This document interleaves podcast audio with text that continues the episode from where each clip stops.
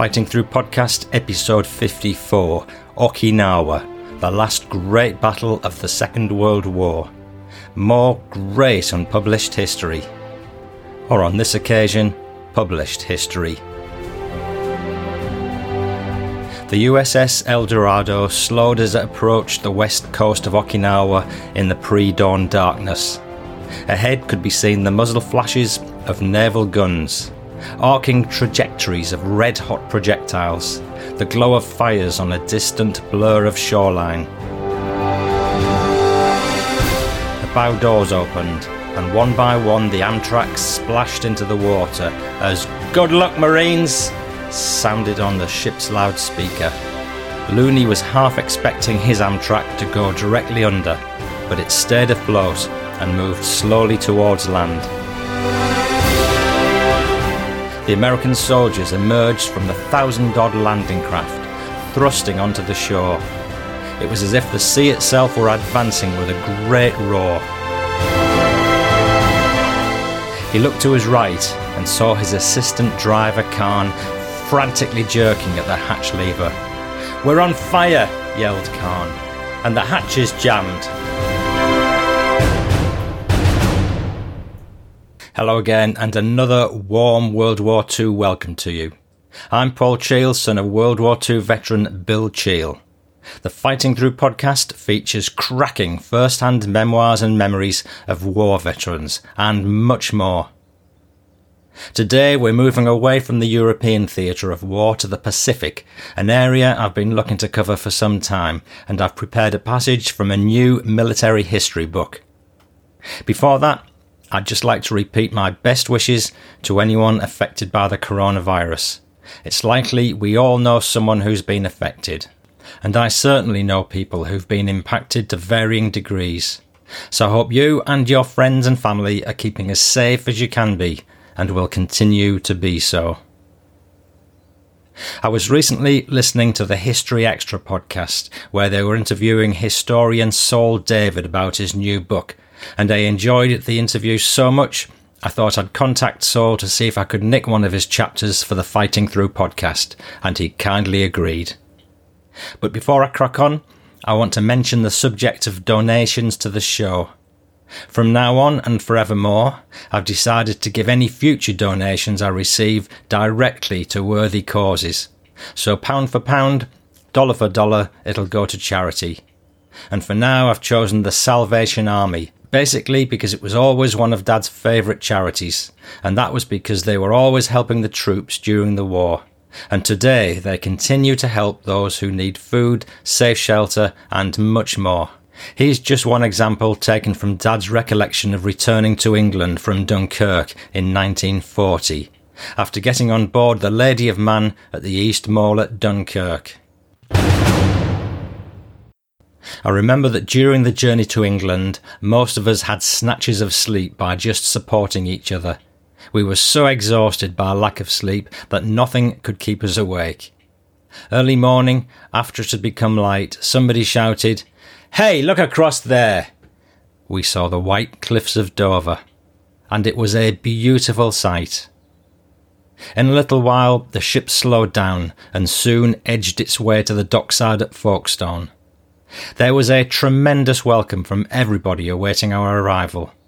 Those good Samaritans of the Salvation Army and of the Women's Voluntary Service made us most welcome and plied us with sandwiches and mugs of good strong tea and before we had time to gather our wits, we were boarding trains. It was unbelievable that we'd escaped from Dunkirk. So many good soldiers, the fighting rear guard in particular, would have to surrender and spend the remainder of the war in prison. So, if you enjoy the show, I'm so pleased, and that's really all I could ask for. But if you feel inclined to offer a little monetary support, then either carry on donating through Patreon or PayPal, or just as good, donate a few dollars directly to any cause you think is worthy. And if you have time, drop me a line to let me know. The Sally Army is easy to Google, and right now they have a page set up to take donations to help with the coronavirus. and I want to introduce you to a new book from award winning historian Saul David.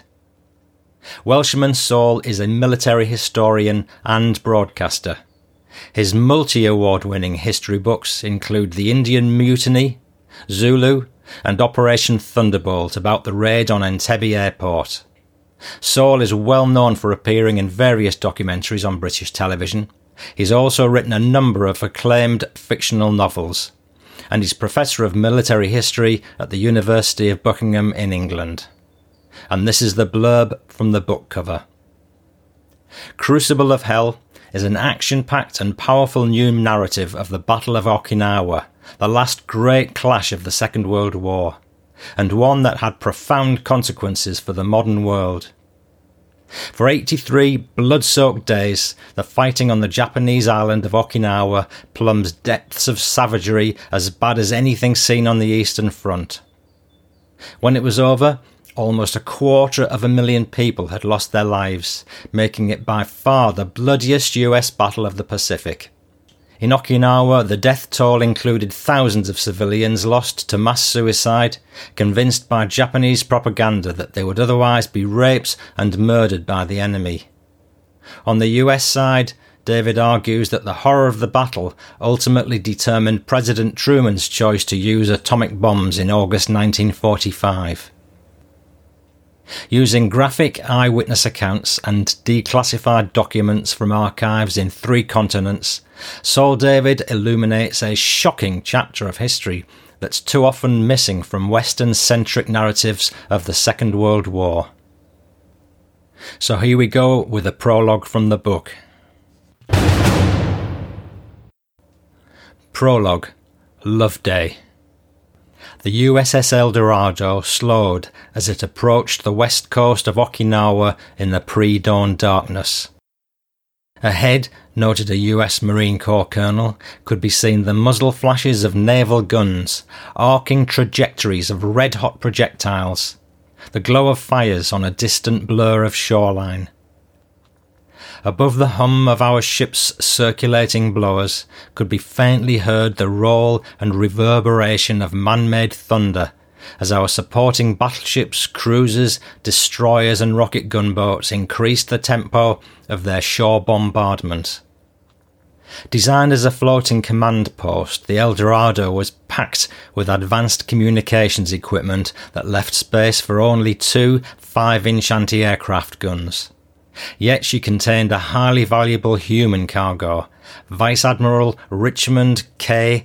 Kelly Turner, USN, the straight talking 60 year old commander of the huge amphibious armada of 1,300 ships and 183,000 combat troops that was converging on Okinawa, the most southerly of Japan's 47 prefectures.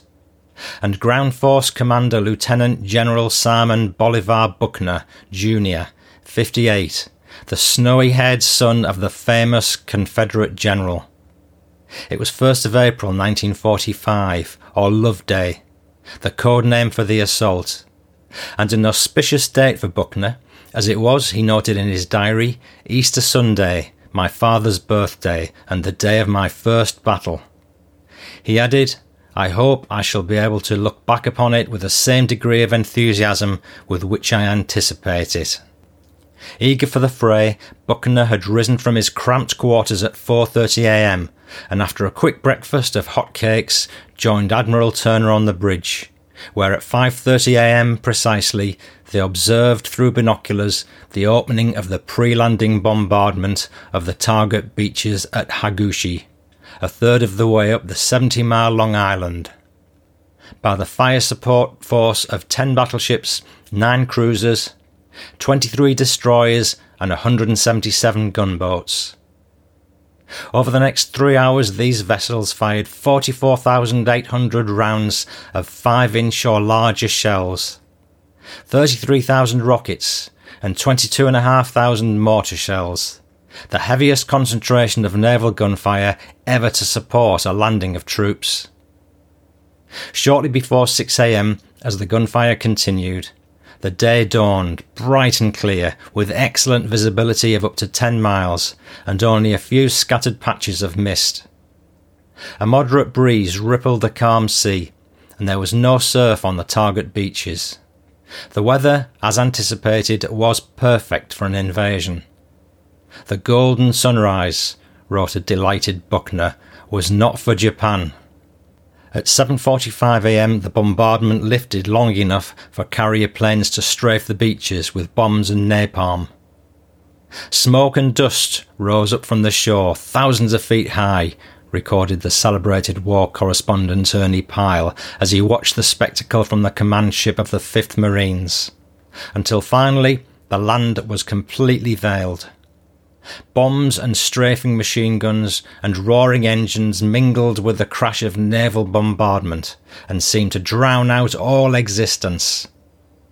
The ghastly concussion set up vibrations in the air, a sort of flutter which pained and pounded the ears as though with invisible drumsticks. During all this time, the waves of assault craft were forming up behind us. At 8:20 a.m., 10 minutes before H hour, pennants were hauled down from the control craft and the first wave of amphibious tanks, covering an almost unbroken 8-mile line, began to move towards the shore, a distance of 4,000 yards at a speed of 4 knots. They were preceded by gunboats firing enough rockets, mortars, and 40 millimeter guns to saturate each prearranged 100 yard target square for up to 1,000 yards inland, with at least 25 rounds. The crescendo of the bombardment, noted Buckner on the El Dorado, culminating in the rocket discharge, was a magnificent spectacle. Following a minute behind the tanks was the first wave of assault troops in amphibian tracked vehicles, or Amtraks. Likened by Ernie Pyle to big trucks on tractor treads, built cup like, that propel them through the water, and the moment it touches bottom, it crawls along like a tractor. More followed at 10 minute intervals, with Wave 6 scheduled to leave before Wave 1 hit the beach. Pyle watched them go with a miserable and awful weight on his heart. There's nothing whatever romantic, he reported, in knowing that an hour from now you might be dead. The advanced elements of four infantry divisions, a total of 12,000 men, were now heading for the shore, fearful of what awaited them. The most experienced was the 1st Marine Division, which in August 42 had become the first US infantry formation to see action when it invaded Japanese held Guadalcanal in the Solomon Islands. That bloody campaign had lasted five long months before Japanese resistance was finally broken by the Marines. In 1944, they saw more tough fighting at Cape Gloucester and Peleliu particularly the latter, where the fanatical Japanese defence had cost the division almost 6,500 casualties. The Canal veterans had since rotated home, replaced by 8,000 raw recruits. But many of the rest remembered the storm of fire that had met them on the beaches of Peleliu, and, quite understandably, feared a repeat. Among them was 29 year old First Lieutenant Bill Looney, a graduate in economics from Chicago's Roman Catholic Loyola University, who'd fought and only narrowly survived the last two campaigns as a platoon commander with Charlie Company, 1st Battalion, the 5th Marines. Now second in command as the company XO, or executive officer, he and his men had departed their base camp in the Russell Islands a fortnight earlier, aboard a flat bottomed landing ship tank, LST, that had bunks for 217 men, expecting their target to be the island of Formosa.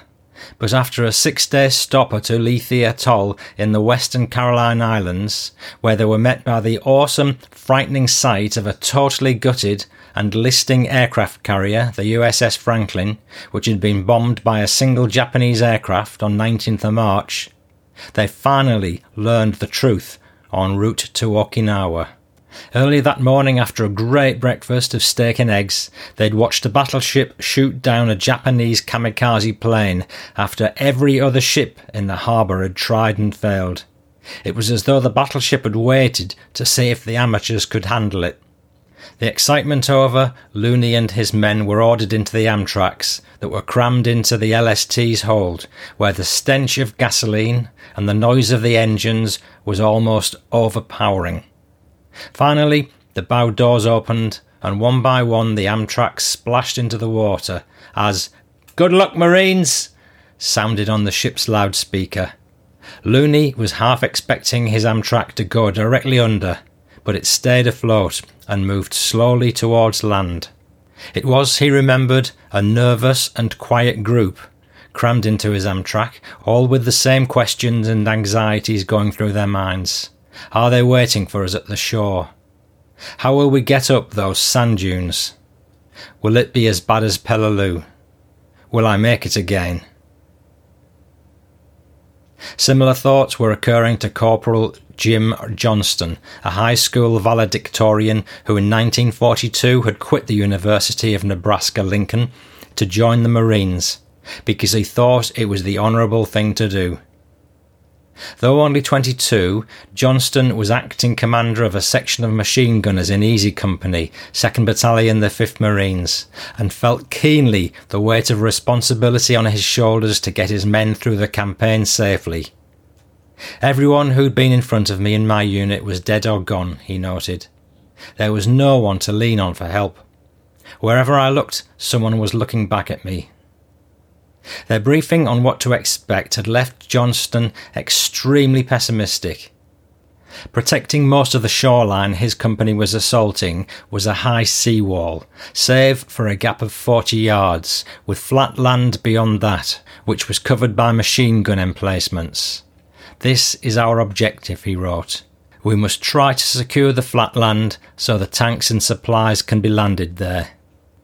All the defences the enemy can muster artillery, mortars, and machine guns will concentrate their fire on that strategic 40 yards.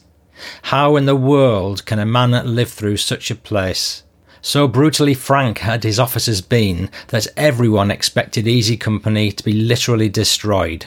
Up ahead, the gunboats turned aside as they reached the shallow coral reef that fringes Okinawa's western beaches, allowing the amphibious tanks and tracked vehicles to pass through them and proceed unescorted over the reef, the tanks firing their 75mm howitzers at any pillboxes and strong points they could identify. As the tanks neared the shore, the naval bombardment lifted to targets further inland, obscuring the ridges with smoke, blinding the Jap observation posts. While scores of carrier planes swooped low over the landing beaches to saturate them with machine gun fire. The amphibious tanks landed first, followed soon after by the tracked vehicles. As they covered the last few yards to the shore, Johnston remembered the sight of dead Marines in the water and on the beach at Peleliu, and wondered what we would look like to the waves that would come behind us. To Looney, however, the absence of hostile fire and no burning Amtraks was a very good sign. Carrying long, collapsible ladders to scale the steep sand dunes, they piled out of the Amtrak and headed for the dunes. Still no action, he recorded. It's a walk on. How great! Johnston approached a pillbox on Yellow One Beach, anticipating the impact of bullets ripping into my body, but there was no fire. The pillbox was empty, so he and his men moved inland, and within an hour the beachhead was several hundred yards deep and growing by the minute. They felt jubilant, absolutely overjoyed, as if they'd been granted a pardon from the death sentence. But for many, it was only a reprieve. Ernie Pyle was still on the 5th Marines command ship when word came back by radio that waves 1 and 2 were ashore without much opposition, and there were no mines on the beaches. Peering through binoculars, he could see tanks moving across the fields and the men of the second wave walking inland, standing upright. There was the odd splash in the water near the beach from desultory small arms and mortar fire, but no sign of any real fire coming from the shore. It was indicative rather than definitive, yet he felt the weight of dread begin to lift.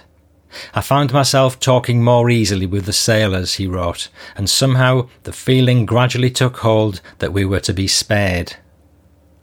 From the deck of the El Dorado, it was difficult to see exactly what was happening on the beaches, noted the Marine Colonel, but to our amazement there appeared to be little resistance.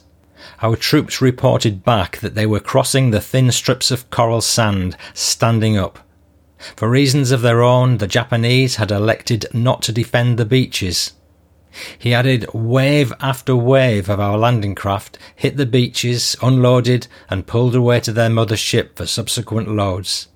Our troops, army and marine, were carried forward by sheer momentum to the high ground of the ventral ridge of the island, where they paused to consolidate and reassess the situation.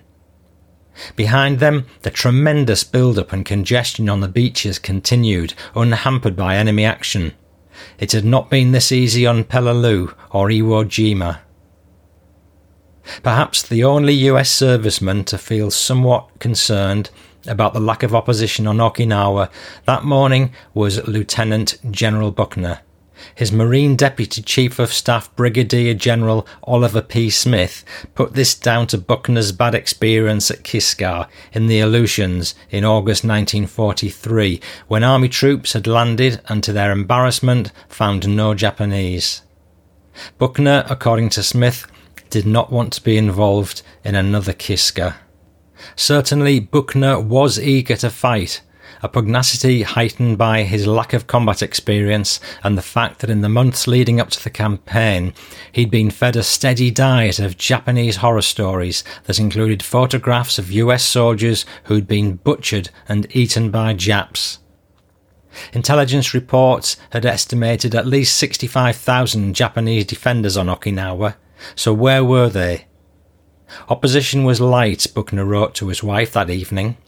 The Japs evidently expected us to land elsewhere in this island. I consider the day highly successful. We have nearly 60,000 troops ashore, and more will land tomorrow. Buckner was convinced that the simultaneous feinted landing by the 2nd Marine Division on the southeast coast of Okinawa had fooled the Japanese into concentrating their troops in the wrong place. That was far from the case. Coolly watching the landings through binoculars from an observation platform in Shuri Castle, 12 miles to the south, stood the Japanese commander, Lieutenant General Mitsuru Ushijima, and his senior officers. Tall and heavy set, with ruddy cheeks and benign countenance, the 57 year old Ushijima had replaced the ailing General Watanabe as commander of the 32nd Army on Okinawa the previous August. He had some field experience as a brigade and divisional commander in China and Burma, but since 1941 had occupied administrative posts in Japan, first as commandant of the Army's non-commissioned officers academy, and then the more prestigious Imperial Japanese Army Academy. Perhaps not surprisingly, he was less hands-on than the fire-eating Watanabe, preferring to leave all operational details to his subordinates while taking overall responsibility. In this respect, noted a subordinate, he was faithful to long-standing Japanese military tradition, going back to the great Takamori Saigo, one of the leaders of the Meiji Restoration of 1868. The short, stout officer standing nearest to Ushijima on the viewing platform legs set defiantly apart, was his right hand man and chief of staff, Major General Isamu Cho, an ultra nationalist who'd been active in the 1930s in the young officers' military clique that was pushing for Japan's territorial expansion. Implicated in the massacre of at least 200,000 Chinese civilians and prisoners of war at Nanjing in the winter of 1937 38, and briefly arrested for his part in a coup d'etat against the civilian government. The 50 year old Cho was a ruthless and aggressive military strategist who thought attack the best form of defence. If it had been his decision, the Japanese on Okinawa would have fought the invading Americans on the beaches. Instead, Ushijima took the advice of his talented operations chief, Colonel Hiromichi Yahara, 42, who was convinced the only way to defend Okinawa, given the inevitable imbalance in troop numbers and firepower, was to leave the beaches uncontested and instead concentrate Japanese strength in the south of the island. The plans recently put forward by Imperial General Headquarters, IGHQ, in Tokyo decreed that the battle for Okinawa would be won on the sea and in the air, and that the troops on the island would merely be needed to mop up enemy remnants after they landed. Yahara knew this was nonsense and planned accordingly. Born to a modest family of farmers in the sparsely populated southwest of Honshu Island, the bespectacled Yahara had used brains and determination to advance his army career, passing out first from the War College. He'd served as a regimental officer, worked undercover in Southeast Asia, and more recently taught at the Imperial Japanese Army Academy in Tokyo under Ushijima. But it was his two years as an exchange officer in the United States, including six months with the 8th Infantry, that would serve him best on Okinawa, as they gave him an insight into the American military mind. Arriving in March 1944, Yahara considered Okinawa an obvious future target for US forces as they advanced closer to Japan's home islands, 400 miles to the north, and argued for a significant troop build-up. I felt it was crucial, he recalled, that we select those islands where we could expect the enemy to attack, place decisive troop strength there, and make adequate combat preparations while we still had the chance. He eventually got his way, and various formations were rushed to Okinawa until by the late summer of 44 the garrison had swelled to 105,000 men, backed by a further 20,000 half trained Okinawan Boeitai, Home Guard. At this point, Yahara's strategy was to move in the direction of any enemy landings, launch an offensive, and destroy the enemy near the coast. But when IGHQ decided in November 44 to move the 32nd Army's best formation, the 25,000 strong 9th Division, to the Philippines via Formosa, Yahara changed tack. Now, with he believed too few troops to prevent a major landing, he concentrated the vast bulk of his forces in the southern third of the island, behind several heavily fortified lines north of army headquarters at Shuri Castle. Well protected in tunnels and caves, they could withstand any amount of enemy bombs and gunfire, or as Yahara put it, Against steel, the product of American industry, we'd pit our earthen fortifications, the product of the sweat of our troops and the Okinawan people. The change was controversial as it ran counter to the Imperial Japanese Army's operational doctrine of seeking out a decisive battle rather than a war of attrition. But Ushijima gave his approval, and for the next five months, soldiers and civilians toiled night and day to prepare a defensive system across the narrow waist of southern Okinawa, where, forward of Ushijima's HQ on Mount Shuri, several jagged lines of ridges and rocky escarpments were turned into formidable nests of interlocking pillboxes and firing positions. All were connected by a network of caves and passageways inside the hills that allowed the defenders to move safely to the point of attack. With their defensive preparations complete, Ushijima and his officers were full of confidence as they watched the enemy's frantic deployment on the Hagushi beaches on 1st of April. Some joked, a few lit cigarettes, all were tense with the warrior's inner excitement at the thrill of preparing to cross swords with a mighty enemy. Yahara marvelled at the sheer scale of the enemy bombardment as smoke and debris from the explosions rose into the sky. The enemy planes looked to him like hundreds of oversized beans as they emerged from the smoke to carry out their bombing operations. Then finally, American soldiers emerged from the thousand odd landing craft thrusting onto the shore. He wrote later, It's as if the sea itself were advancing with a great roar. He chuckled as he tried to put himself into the minds of the enemy commander and his staff. Advancing with such ease, wrote Yahara, they must be thinking gleefully that they've passed through a breach in the Japanese defences. They'll be wrong. It's amusing to watch the American army so desperately intent in its attack on an almost undefended coast, like a blind man who's lost his cane, groping on hands and knees to cross a ditch. Yet at the same time, Yahara felt a gnawing sense of unease. The IGHQ plan was for the Air Force to play the lead role in warding off the enemy attack.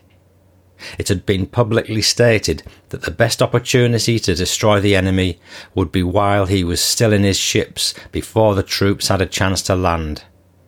For the last week, Japanese aircraft had attacked the enemy fleet under cover of darkness, by moonlight and at dawn. So why now, asked Yahara, with enemy landing craft swarming around the Hagushi beaches, do they not overcome all obstacles, take advantage of this once in a lifetime chance, and make an all out concerted attack? In fact, according to the diary of Vice Admiral Matome Ugaki, the man tasked with the air defence of Okinawa, a full scale attack on the approaching US Fifth Fleet was ordered on 31st of March, but only a few kamikaze got through the American anti aircraft and fighter screen the following day. One flew into the superstructure of the battleship USS West Virginia, and its bomb penetrated to the second deck. Fortunately, it was a dud, or the casualties of four dead and 23 wounded would have been much heavier. Other kamikazes struck a transport, USS Hinsdale, and two LSTs carrying men of the 2nd Marine Division as they feigned a landing off the southeast coast of Okinawa. Second Lieutenant Arthur L. Grisham, 21, from San Marcos, Texas, was eating breakfast in the officer's wardroom of LST 724 when he heard the sound of a plane and the ship's anti aircraft gunners opening fire. Told to stay put and not get in the way, he continued with his meal. Suddenly, recalled Grisham, the ship absorbed a rattling crash, but there was no explosion. It was at midship on the port side, and we rushed to the outside passageway.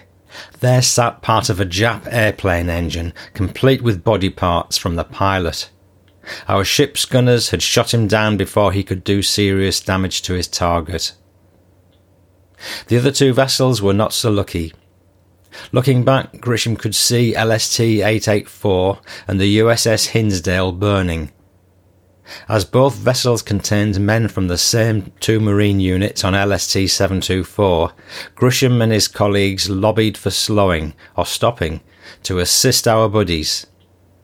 But the ship's captain refused, and they watched helplessly as survivors jumped overboard to avoid the flames. Their rescue would take many hours, and in total more lives were lost in these attacks, 41, than in the landings proper. Who said it was safer, commented Grisham, to be in reserve? The amphibious operation to capture Okinawa, codenamed Iceberg, was the largest of the Pacific War and the greatest air land sea battle in history.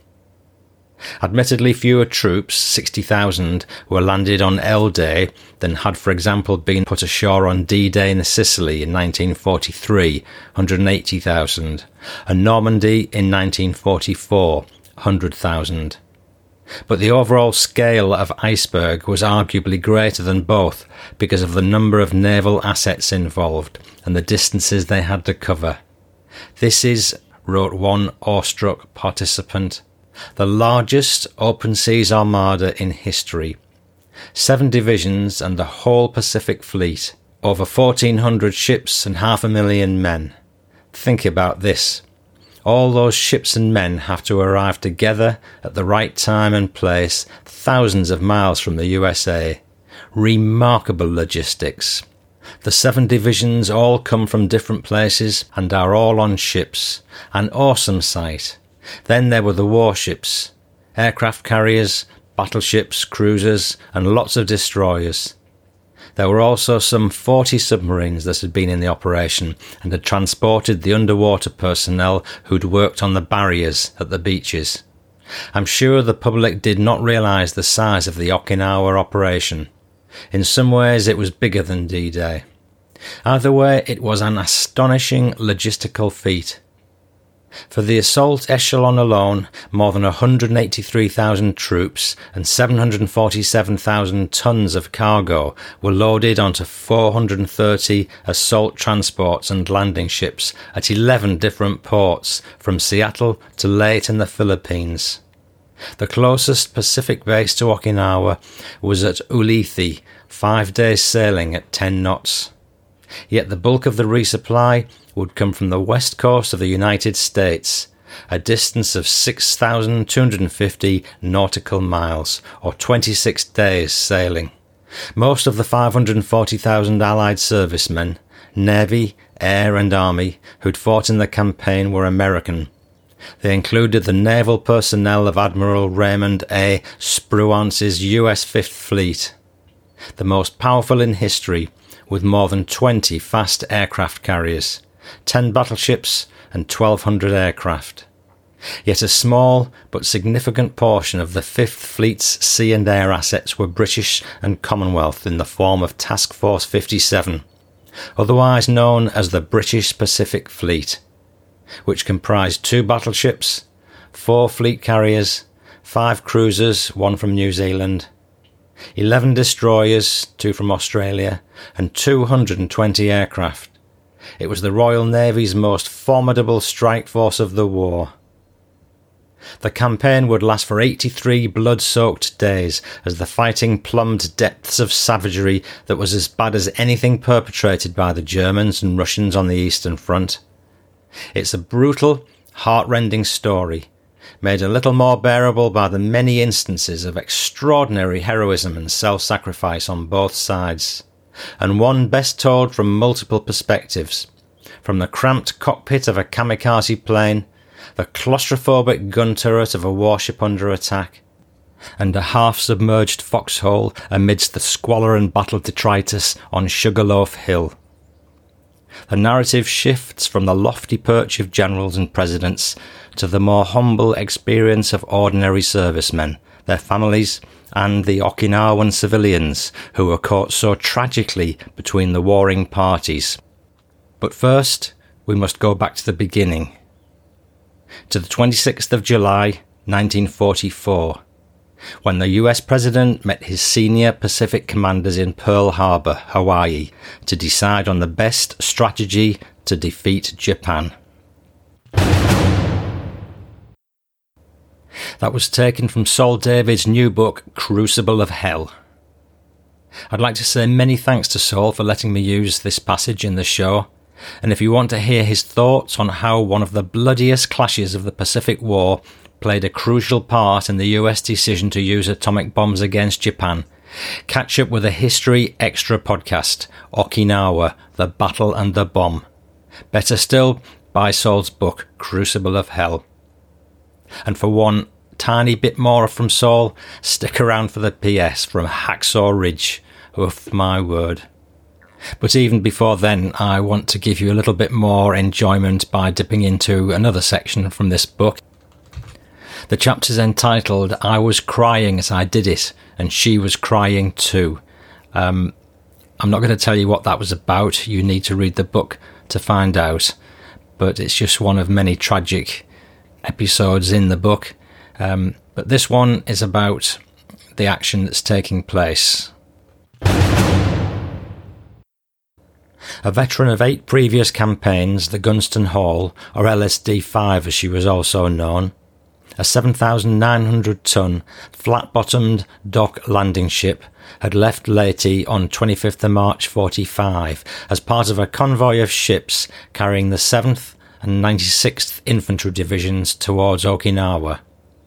Also setting off that day were ships carrying the salt groups of the 1st and 6th Marine Division from Ulithi, the 2nd Marine Division from Saipan, and the 27th Infantry Division from Espiritu Santo.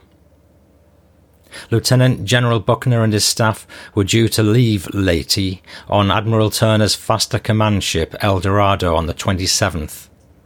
Ahead of everyone, however, was the 77th Infantry Division. It had departed Leyte on March 19th and was now nearing its target, the Kerama Islands, which needed to be captured before the Okinawa landings. Like most enlisted men in the gigantic armada, Sergeant Dick only learned where he was headed en route. We were told, he recalled, that the island was only about 350 miles from the Japanese mainland, and that the fight ahead was going to be a tough one. Born and brought up in El Monte, Southern California, Dick was just 17 when he joined the 40th Infantry Division of the National Guard in 1938. He was then 6 feet 2 inches tall and a skinny 155 pounds, with brown hair combed in no particular direction or style. Posted to Hawaii in 1942, he transferred to the 763rd Tank Battalion after an ankle injury put paid to his career as an infantryman. He was assigned as the driver of tank number 60, nicknamed Cutthroats, a 13 ton Stuart M3 with a 37mm cannon, later upgraded to a much heavier 30 ton Sherman M4 with a 75mm cannon and 3.30 caliber machine guns. The Sherman also had state of the art radio equipment and an intercom so that the four man crew could communicate in battle, and the commander no longer needed to tap Dick with his foot to get him to change direction. Dick's first and only experience of combat was with Charlie Company of the 763rd, part of the 96th Deadeyes Division, in the Leyte operation in the autumn of 1944. But the rough terrain on Leyte was unsuitable for tanks, and Dick saw little action until one terrifying experience when his tank was part of a platoon of four that was ambushed on a narrow road with ditches on either side by Japanese carrying mines attached to long bamboo poles. Before anyone could react, the lead and rear tanks had their tracks blown off, and the two in the middle, including cutthroats, were trapped. Suddenly, recalled Dick, a Japanese officer jumped onto the back of the tank in front, and as the turret began to traverse in our direction, in order to shoot the Japs off our tank, the officer began hacking away at the machine gun barrel with his two handed sword. On the fourth blow, the blade snapped, and the officer was shot by Dick's gunner. The attack couldn't have lasted more than a few minutes, but it seemed like an eternity. Several Jap soldiers still alive were found in the ditches amongst the dead, and they were quickly dispatched by our crews. At the end of the campaign, Dick was asked by his company commander if he wanted to be considered for a field commission.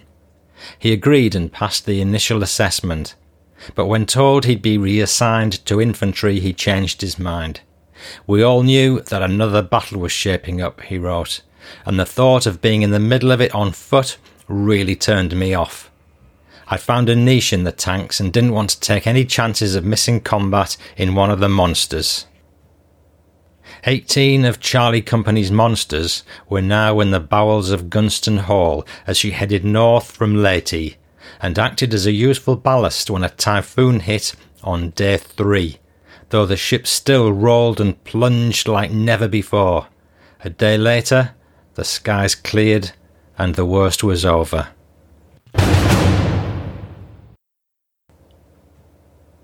Next episode more Lancaster stuff.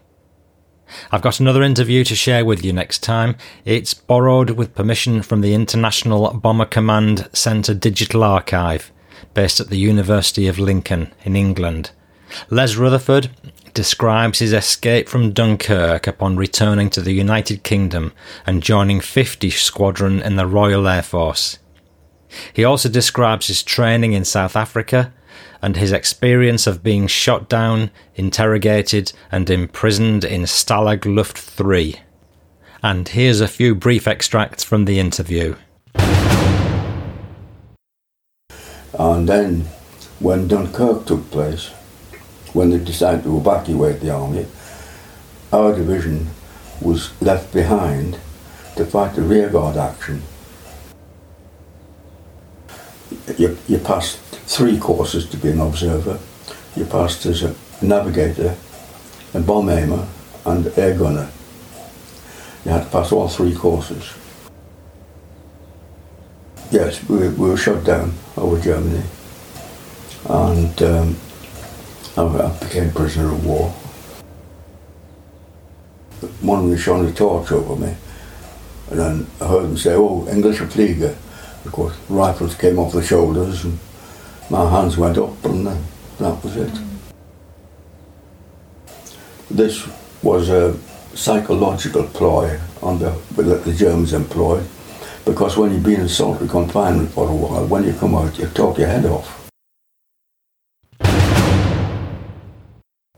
You can look forward to hearing the full interview with Les Rutherford in the next episode. You've been listening to the Fighting Through podcast, episode 54 Okinawa Crucible of Hell. Thank you so much for listening. Please do hear me next time. P.S. This is a passage from the Hacksaw Ridge, chapter 24, from the book Crucible of Hell. The radio crackled into life. It was an order to move the tank ahead of the lines, at the base of a fairly high ridge. Their task was to fire into the caves and emplacements on the ridge face. Once in position, Anderson began firing the 75mm cannon, its shells exploding in a sheet of flame and smoke as great chunks of coral and concrete were blasted into the air. Another tank, away to their right, was doing the same. Then suddenly Dick could hear explosions just behind them, almost certainly from Japanese heavy mortars or artillery. Anticipating an order to withdraw, Dick grabbed the shift lever with his right hand and prepared to put the tank into reverse. The tank shook from a direct hit. Badly concussed, Dick did not hear or feel a thing, but he knew something was wrong.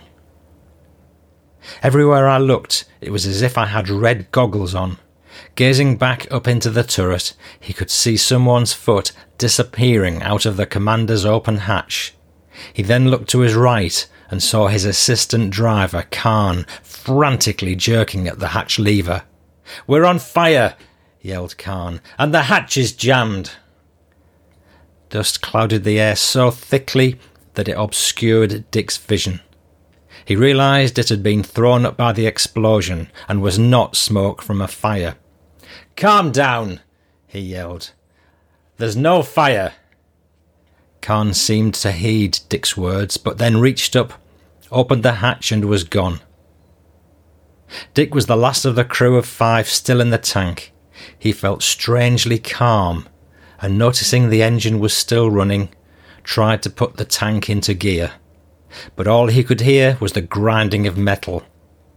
The shell must have hit the back deck, he reasoned, and messed up something in the shift mechanism. As he tried again without success, he could hear Anderson yelling at him to get out. He shouted back, I'll be right out. He reached for the Tommy gun that every morning he put in the space behind the dash panel, but it seemed stuck and would not budge. Leaving it, he stood up so that his head was just above the hatch entrance. Suddenly, his head jerked back involuntarily, yanked by the intercom cord that he'd forgotten to unplug, just as a bullet struck the edge of the hatch. His error probably saved his life.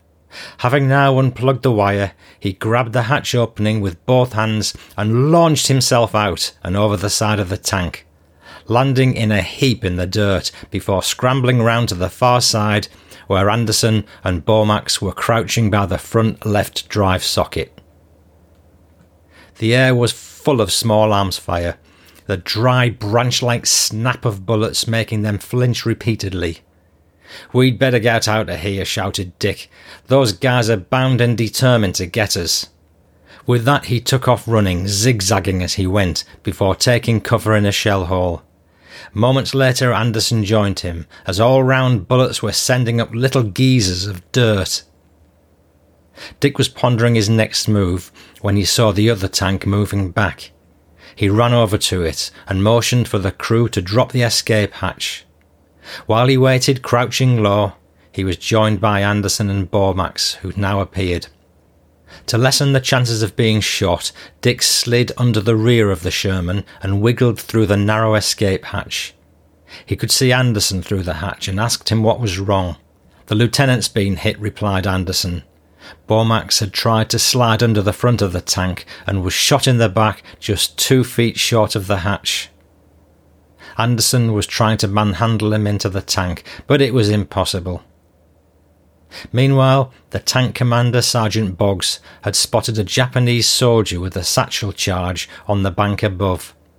His gunner tried to shoot the soldier with the .30 caliber coaxially mounted machine gun, but that jammed. So Boggs opened his hatch and let rip with his pistol.